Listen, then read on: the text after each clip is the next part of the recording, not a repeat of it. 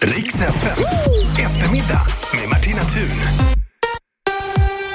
Det var ju för ungefär en månad sedan som vi fick rapporter om en dovhjort som hade slagit sig ihop med ett gäng kossor utanför Helsingborg. Anneli Appelskog är rektor på en intilliggande skola och nu är hon med på telefon igen för att ge oss det allra senaste om dovhjorten. Anneli, sist vi pratade så hade dovhjorten inte fått något namn, men nu har han det. Vad heter han? Ja, men det var ju du som sa att vi måste namnge honom och du har ju alldeles rätt i.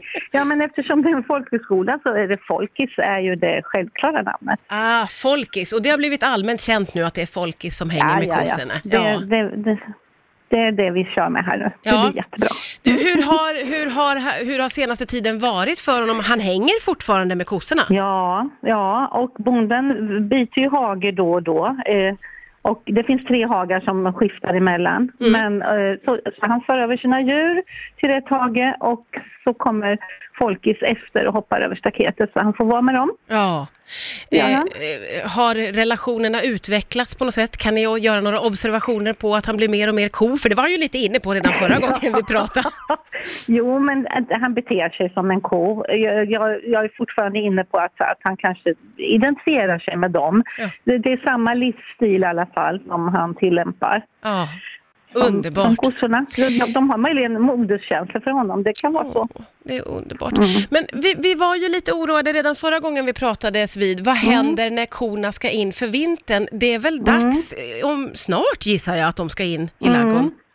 Det, det är nog dags snart. Jag vet inte vilket datum. Vi har ju lite, lite, lite längre sommar i Skåne så att eh, hösten har inte kommit så långt här än. Så att, men, men de ska in för vintern, sa bonden när jag pratade med honom häromdagen. Mm. Och då, då uttryckte jag min oro. Vad Mm, händer mm. med folkis då? Mm. Och då sa han, nej men det är ingen fara. Det, det, det är tydligen vanligare än vad jag visste. Jaha. Att, eh, att eh, vilt ta, eh, söker upp kor och, och gillar att beta med dem i deras hagar. Mm.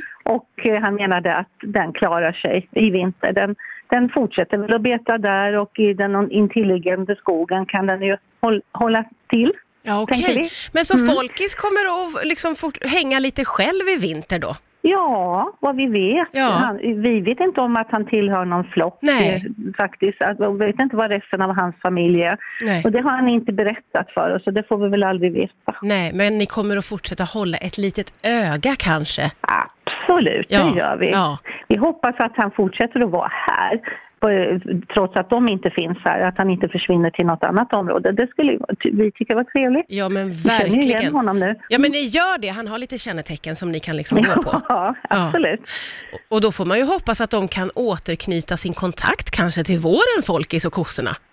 Det hoppas vi på, verkligen. Ja.